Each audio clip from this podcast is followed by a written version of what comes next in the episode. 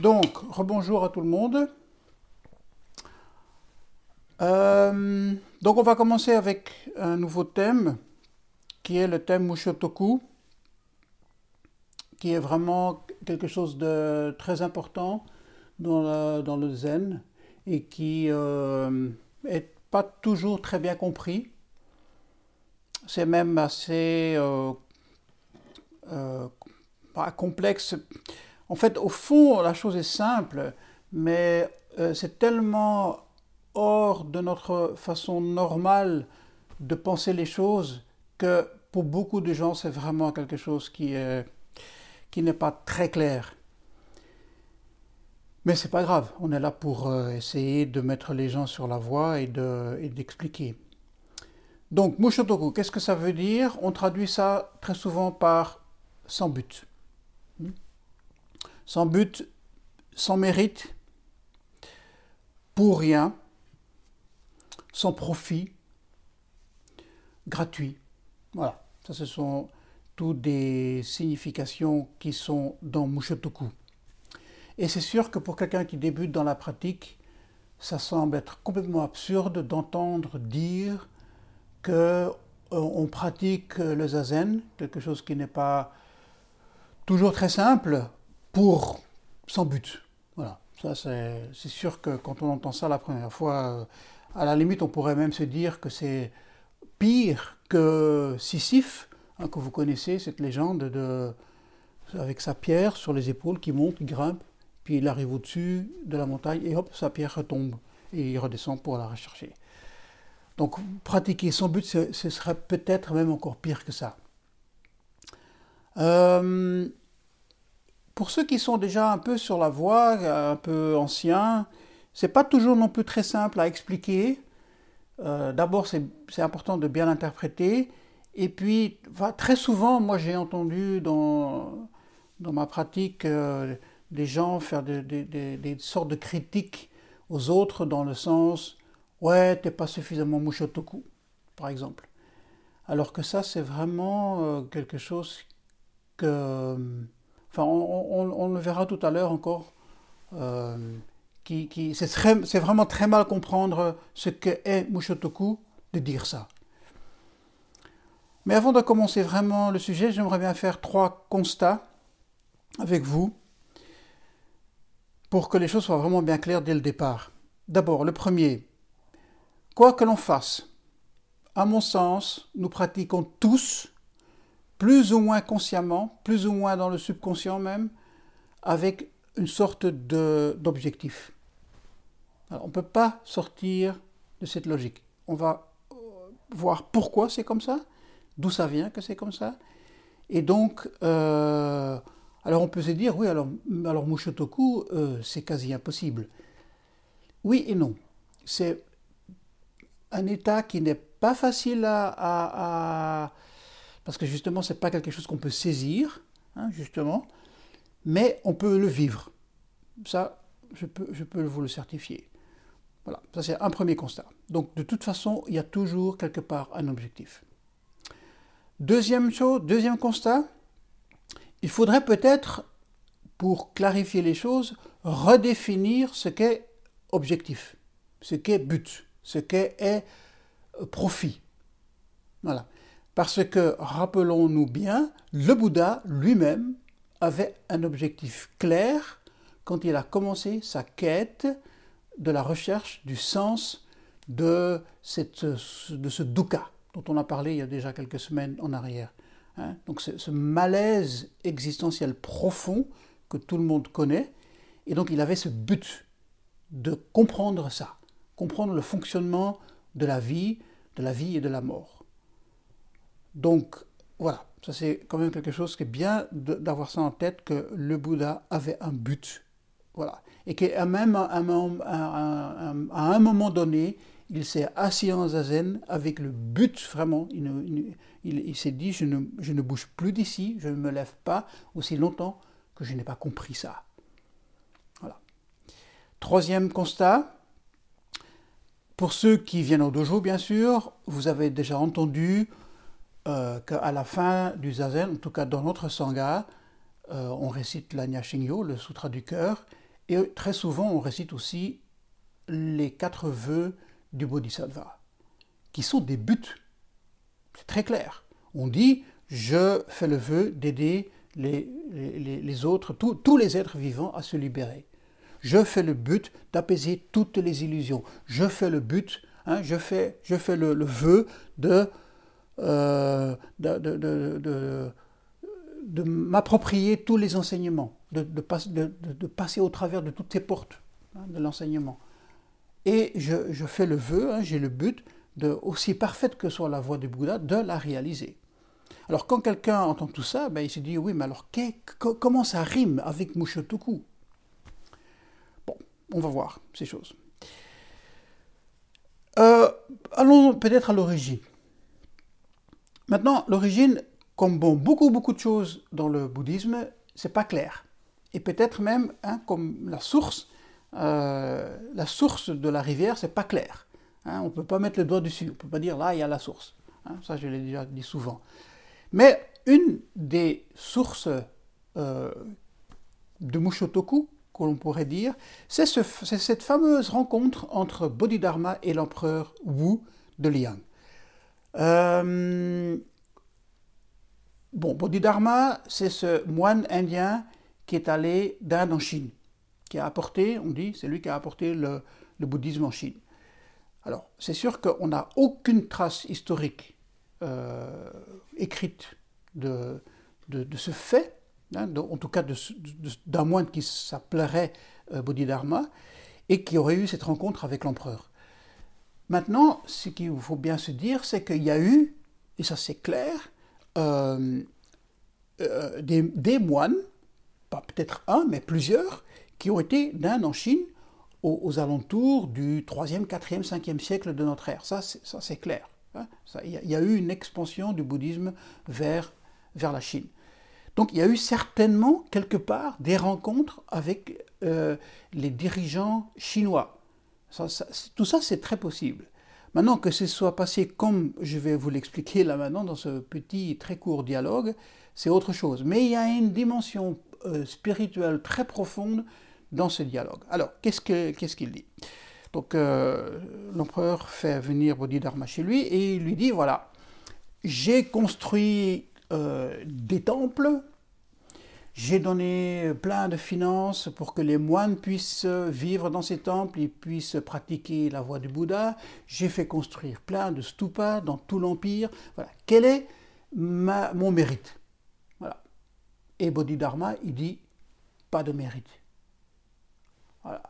C'est étonnant comme réponse. Et c'est, il faut l'oser le faire.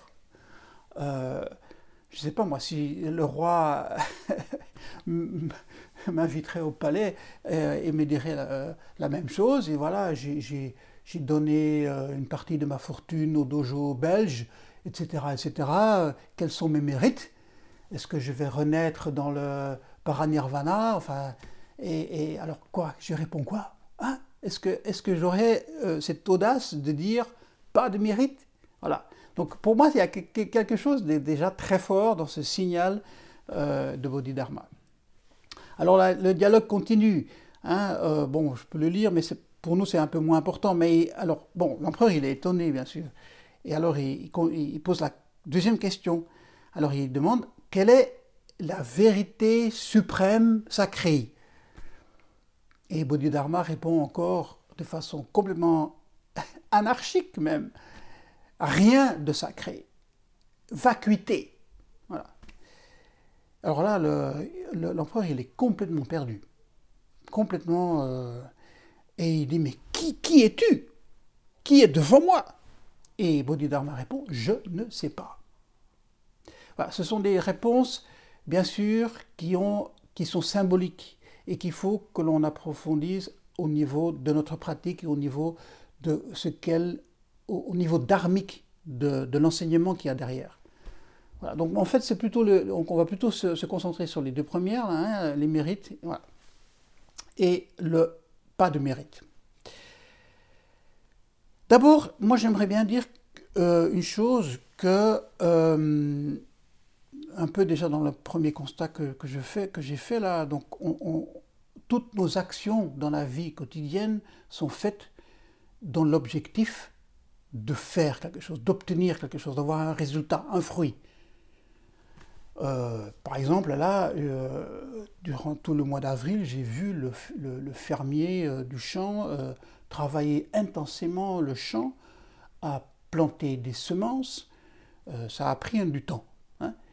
et il l'a fait avec le but, l'objectif, que ah ben, au mois de septembre, il reviendra et qu'il y aura toute une moisson à faire. Il y a du maïs, il y a, du blé, il y a, des pommes de terre, je crois. Je ne suis pas sûr. Voilà. bon. Donc, je veux dire par là que euh, la grande majorité de nos actions sont faites toujours dans le but de produire, de faire, d'avoir un fruit quelque part. Et bien entendu, c'est normal, c'est la nature même des choses. Il n'y a rien de mal à cela. Deuxième chose, et ça c'est vraiment capital pour ce que, pour, je veux dire aujourd'hui, il y a ce qu'on pourrait appeler le principe de la récompense, qui est un fort principe d'éducation. Nous avons été éduqués avec ce principe et nous éduquons à notre tour nos enfants de la même manière. Si tu fais tes devoirs, tu vas avoir, et que c'est bien fait, tu vas recevoir un bonbon. Alors le gosse, lui, bah, il fait ses devoirs. On a été éduqué comme ça. Et ça fonctionne. Euh, au début, c'est le bonbon, c'est le chocolat, c'est euh, aller à, Disneyland, euh, enfin voilà, la récompense. Hein. Au, bout du, du, travail, du labeur, il y a une récompense. plus tard, hein, quand les élèves sont un peu plus grands, et ça je peux en parler parce que je suis complètement dedans, c'est les notes sur le rapport. 5 hein. sur 10, 0 sur 10, ou 10 sur 10. Voilà. Donc, et je vois ça avec mes élèves, on est conditionné par ce système de récompense. Et on, travaille pour avoir cette récompense. Et quand on est dans le, avec, un, avec un job, une profession, ben voilà, c'est le salaire que l'on reçoit à la fin du mois, euh, qui est notre récompense, entre guillemets, pour tout le travail que l'on a fait. Donc, il faut bien comprendre que très profondément dans le cerveau, on est conditionné par ça. Et encore une fois, il n'y a rien de mal. Mais c'est bien d'être conscient que l'on est toujours, d'une façon ou d'une autre, dans cette stratégie de obtenir une récompense, un bonbon. voilà. Euh, ça devient même aujourd'hui complètement absurde. On, est vraiment dans l'excès de ça.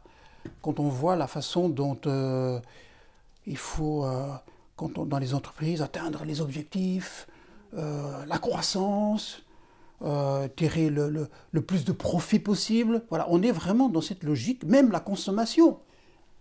Même ça, je veux dire, là où ça devrait plutôt être cool et, paisible et calme, hein, on consomme ce qu'on a besoin et pas plus. Non, on est encore là poussé à, consommer le maximum de trucs complètement inutiles pour...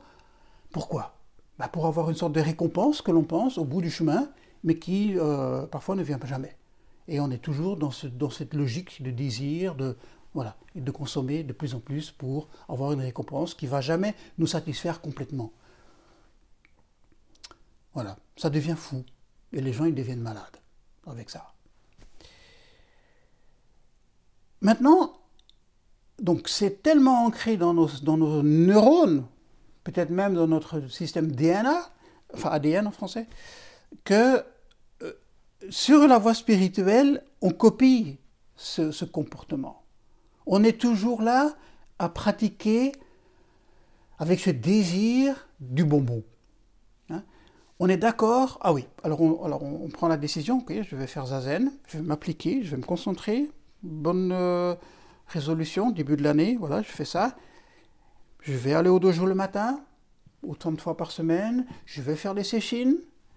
Je vais aller à la gendronnière ou dans un autre temple, faire 500 km.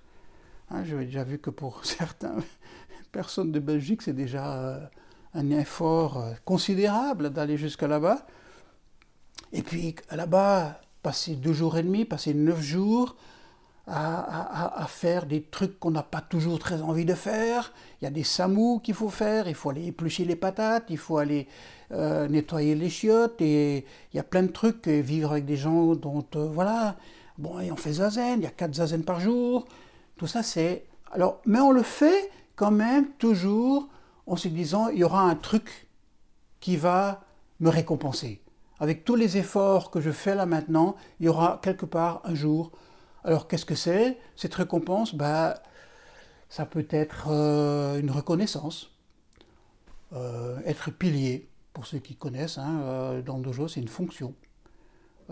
puis après on devient Kyosakuman, voilà. On a une sorte c'est comme si c'est les, petites, comme à l'armée, là, les, étoiles, ou je ne sais pas comment les dire. être devenir Hein, pour certains, c'est vraiment un but. Ça devient un but. Même, inconsciemment, ça devient un but. Euh, premier disciple, les choses, c'est le premier disciple. Euh, il y en a qui, pensent même euh, que, que, recevoir les préceptes, être, devenir bodhisattva, devenir moine, c'est une récompense que l'on reçoit après avoir fait un dur cheminement spirituel. Voilà. Bon, c'est comme ça. c'est quand même des choses que je constate. Euh, et alors peut-être qu'on se dit aussi, bah oui, alors peut-être que l'éveil, euh, le satori, bah, c'est peut-être le bonbon ultime. Quelque chose qui va complètement me, satisfaire définitivement. Alors voilà, on est complètement coincé dans ce truc qu'on peut appeler, euh, en fait, oui, du matérialisme spirituel. En fait, c'est l'expression de cette soif que l'on a, de cette avidité, euh, c'est illimité, hein, qui est toujours là, qui, sommeille en nous et qui est toujours là et qui, pouf, nous, j'allais dire nous empêche, mais en fait c'est ça, parce que ça devient un obstacle. Ça devient un obstacle à la véritable libération, à la véritable euh, lâcher prise.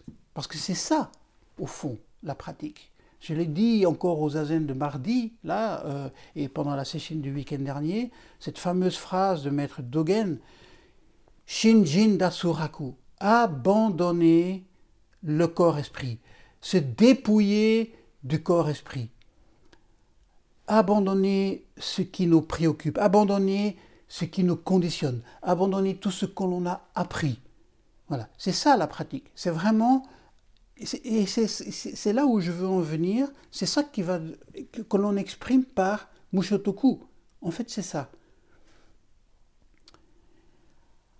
Alors, bon, d'un côté, je constate ce matérialisme spirituel chez beaucoup de gens, parfois même chez moi, chez moi-même, mais ce qui est important, c'est de devenir conscient de ça. Donc ça, c'est vraiment le, le, premier pas, il me semble, vers une profonde libération, c'est de comprendre nos fonctionnements, nos dysfonctionnements en fait, et, de voir ça clairement sous les yeux.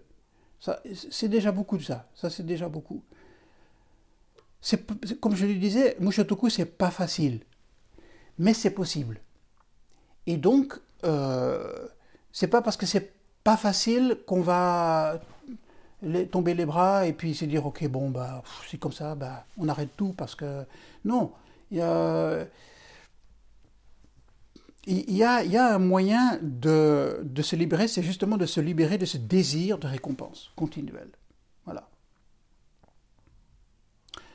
Par ailleurs, euh, j'ai quand même envie de le dire, beaucoup de religions ont fonctionné, ou fonctionnent encore maintenant, sur ces principes de base de récompense. Euh, on a connu plus ou moins, enfin plutôt on a entendu dire, euh, parce que ma génération est quand même pas encore si vieux que ça, mais quand même, euh, ces fameuses indulgences dans l'Église catholique. Hein, donc il y avait, pour ceux qui ne connaissent pas, c'est un truc complètement euh, un peu fou, quoi. Il y a, il y a possibilité, comme c'était présenté à l'époque, de se laver de ses péchés en achetant par, euh, argent ce qu'on appelle des indulgences. et en ce moment-là, une partie de tes péchés était lavée, était, voilà, et tu avais beaucoup de chance de quand même arriver au paradis. Le paradis étant le bonbon ultime, bien sûr.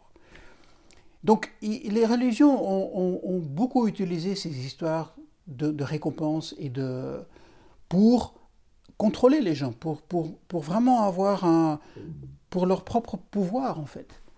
Donc il faut vraiment être très attentif par rapport à tout ça. Pas seulement vis-à-vis de, de, des gens en qui on a confiance au niveau spirituel, qui pourraient éventuellement utiliser ça avec nous, mais aussi vis-à-vis de nous-mêmes. Voilà, c'est en fait c'est pour ça que je veux dire les deux choses. Donc c'est pour ça que Bodhidharma il dit à l'empereur pas de mérite. Parce que la logique du mérite, la logique de la récompense, c'est quelque chose qui n'est pas spirituel, qui va même à l'encontre de la spiritualité, qui devient même un obstacle à la véritable spiritualité. Donc c'est ça qu'il voulait dire. je ne sais pas si l'empereur s'est éveillé, hein, euh, j'espère pour lui, mais bon, voilà.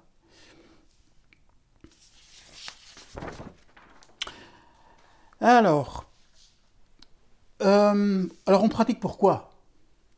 Pour, pour pas de but. Mais alors il y, a une contradiction flagrante qui, s'installe là. C'est difficile de continuer à, parler dans ces termes parce que au niveau logique, c'est complètement illogique, bien sûr. Ça, c'est clair. Pour ça que moi, je préférerais plutôt parler de Mushotoku, je traduirais ça comme ouverture totale ce qui se passe profondément au niveau de l'esprit en zazen. Parce que s'il n'y a, pas ça, le zazen devient euh, une, action utilitaire comme toutes nos actions utilitaires qu'on a dans la vie. On va semer des semences dans le sol pour papapap. On va faire ci et ça pour obtenir ci, ci. Et on va faire zazen pour mieux se concentrer ou, quoi que ce soit.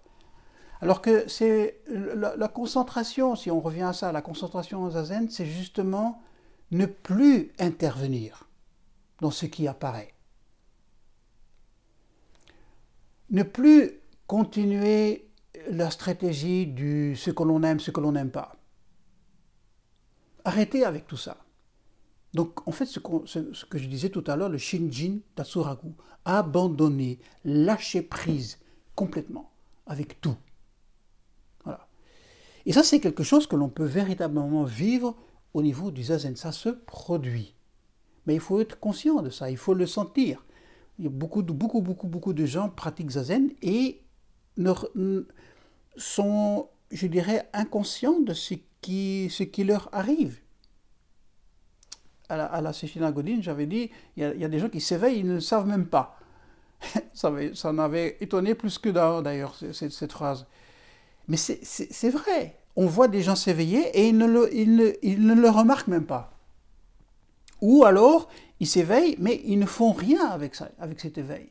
Ça devient un chant qui n'est pas... Allez, euh, je, pars dans un truc qui est un peu euh, difficile euh, mais en effet, le, le chant n'est pas cultivé. Voilà. Bon, alors voilà. Donc pour moi, c'est ouverture totale. Hein. Euh, parce que sinon, ben oui, le but, si on, fait, si on pratique Zazen pour un but bien spécifique, ben on le limite. C'est ça. Et très souvent, euh, admettons, hein, on, commence, et, pour beaucoup de gens c'est comme ça, on commence la pratique parce qu'il y a quelque chose qui, dans sa vie, euh, cloche un petit peu, euh, par exemple, on veut avoir moins de stress. Bon, pratique ça. Et très certainement, on atteindre ce but et avoir moins de stress, être moins déprimé, être plus concentré, etc., etc., etc. Et on obtient ce truc. Alors encore une fois, il y a des gens qui ne remarquent même pas ça. Mais bon, admettons, on le remarque. On dit, ah ben tiens, je suis moins stressé, je suis moins déprimé, je me sens mieux, je suis plus concentré. Et alors quoi? C'est ça le but final? On arrive au terminus, comme si on prenait le métro, et on arrive au bout, il y a une voix qui nous dit Terminus, veuillez sortir du train, parce que le train il repart dans l'autre direction. Est-ce que c'est ça la pratique? Ben non, c'est pas ça la pratique. Donc on s'est dit, alors il y a un autre but, euh, en pratiquant pour un autre but.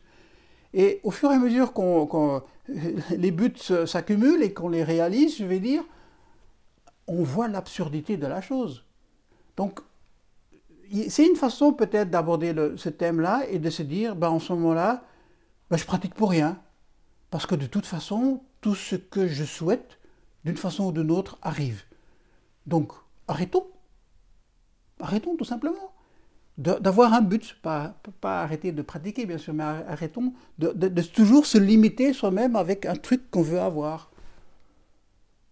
Donc c'est ça que je veux dire par ouverture totale de l'esprit que l'on peut ressentir en zazen et qui devient l'ouverture totale de notre euh, motivation, de notre euh, du but, un but complètement ouvert, aussi ouvert que le cosmos entier. Voilà. Et ça, ressentir ça, c'est vraiment euh, libérateur. Il y a même une profonde joie qu'on peut goûter quand on, quand on touche à ça. Ben, en fait, oui, simplement le zazen pour le zazen, pour l'amour du zazen, pour l'amour, enfin l'amour c'est encore un, mot un peu euh, tricky, hein, euh, mais on pratique zazen pour le fun du zazen. Voilà.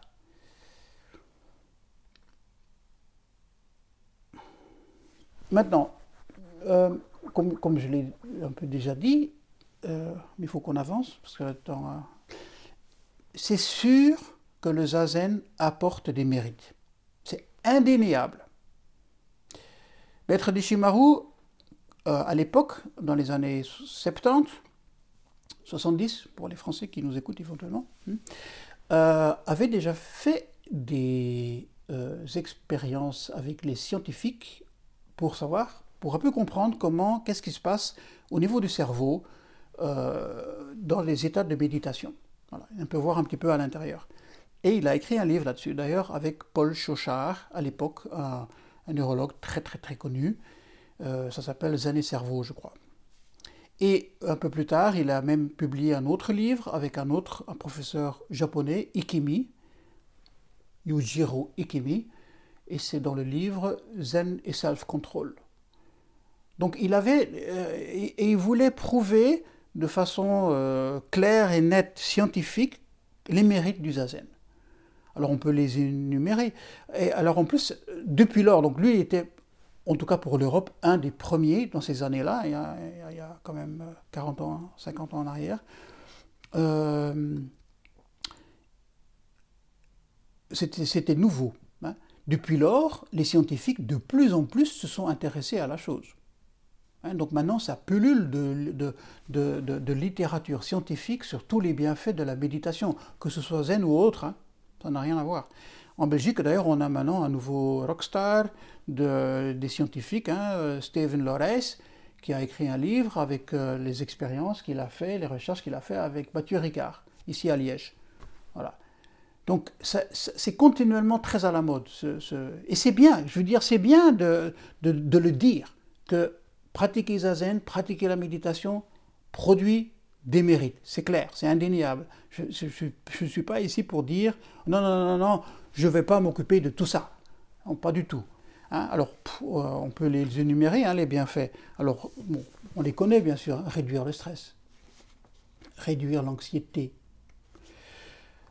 euh, obtenir un sommeil plus stable, plus sain, plus profond, mieux régulariser tout l'organisme, même au niveau de, des, intestins, etc. On peut ressentir profondément quelque chose qui, qui, change par rapport à, ce niveau-là. Être mieux concentré, mieux, mieux focaliser son attention, être moins distrait, par exemple. C'est quelque chose dont les gens aujourd'hui ont, ont, très difficile à faire. Mais avec la méditation, oui, on peut améliorer ça.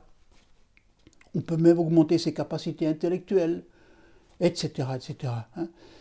Euh, alors, plus, subtilement, on peut dire aussi, euh, on, a, on, devient plus capable à, à, voir les choses dans un contexte plus large que seulement le nôtre. On arrive à sortir de son propre point de vue personnel, égotique, et voir le contexte plus large avec les autres, qui inclut les autres, qui inclut leur, leur point de vue. On se sent plus proche de eux, on se sent mieux en interrelation avec eux, il y a, il y a ces sentiments de compassion qui, apparaissent, etc.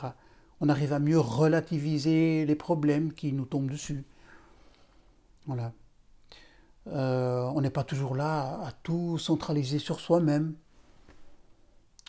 Ce qui est bien de dire aussi, et je vais en profiter maintenant pour le dire quand même, c'est que tout n'est pas euh, eau de rose non plus quand on pratique la méditation. Il y a des choses qui on, est confronté à soi-même.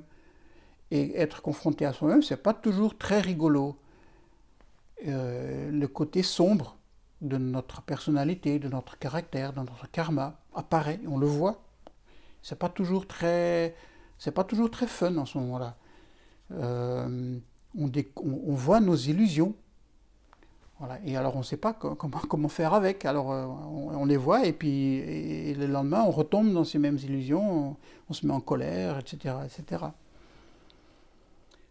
Donc il n'y a pas que... Mais euh, j'allais dire, il n'y a pas que le côté positif, il y a aussi. en fait, c'est notre façon de voir ces choses qui est positive ou négative. Parce que c'est sûr que par rapport à ces côtés sombres de ce que l'on voit, on peut, grâce à, la méditation, euh, développer un côté positif, un côté compassionnant vis-à-vis de ça aussi. Voilà.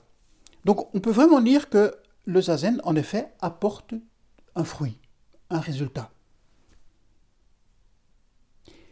Mais la grande différence, il me semble, avec le fermier et son champ de patates là à côté, c'est que nous, quand on a vraiment compris la dimension de Mushotoku, on n'est pas attaché à ce fruit qui nous est donné.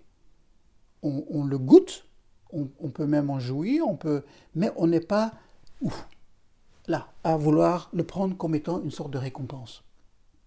Ou bien au contraire, on va le transmettre aux autres, ce, ces mérites, ces bonbons, ces récompenses, j'allais dire. Hein. Euh, et, ça se fait très concrètement euh, dans la cérémonie. Les gens ne savent pas toujours, bien sûr, hein, les échos. Qu'est-ce que c'est que cet écho? Ben, C'est ça.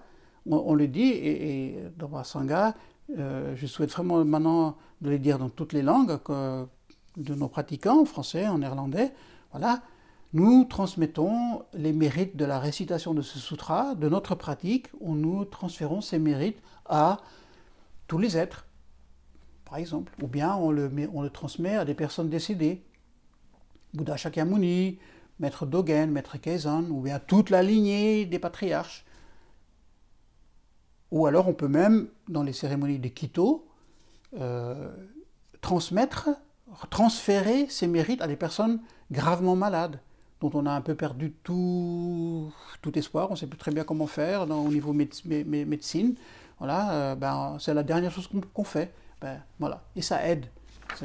Il y a quelque chose qui se passe, il y a, une transmission invisible qui fait que euh, ça aide.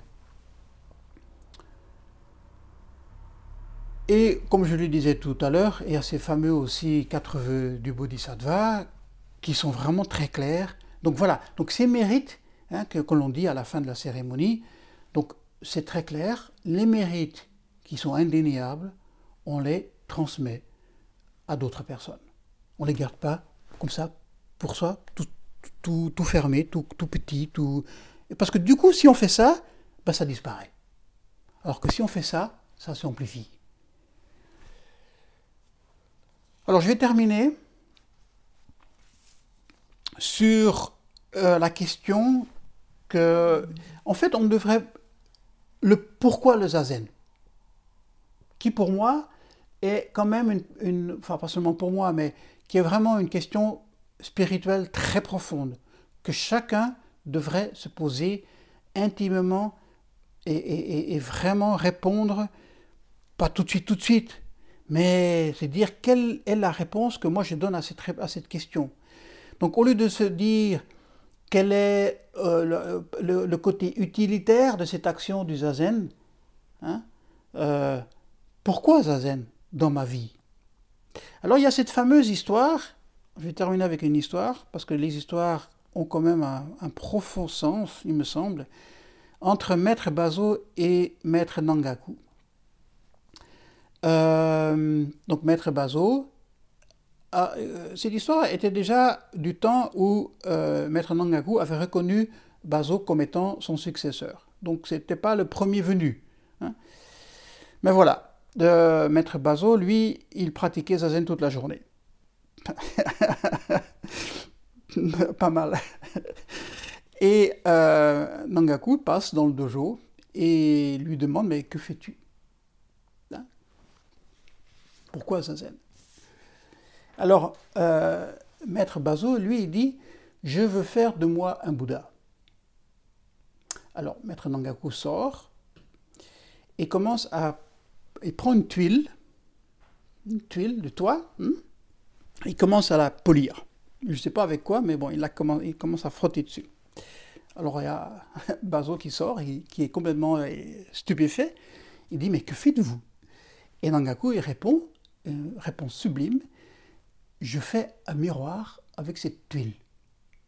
Alors là, c'est complètement. Euh, je crois que si euh, mon maître m'avait dit ça, faisant ce, truc, je l'aurais pris pour un fou. Mais voilà, c'est une, une, réponse dharmique. C'est un koan. Alors Maître Bazou, il est quand même un peu encore toujours étonné, quoi. Et il dit, mais comment, mais comment peut-on transformer une tuile en miroir? C'est clair. Vraiment, clair. Alors, Maître Nangaku, il répond, mais comment pouvez-vous, par le zazen, vous transformer en Bouddha? Voilà. Alors ça, cette, cette, histoire, vous pouvez la lire dans le chapitre Kokyo du Shobogenzo, Kokyo, qui veut dire ancien miroir, qui est très très long, c'est un très très long chapitre, c'est tout à la fin. Voilà. Alors moi, la première fois quand j'ai entendu cette histoire, je me suis dit, ah ah ah, Bazo, il n'a rien compris, hein. Parce qu'en effet, faire zazen pour devenir Bouddha, ça n'a rien à voir.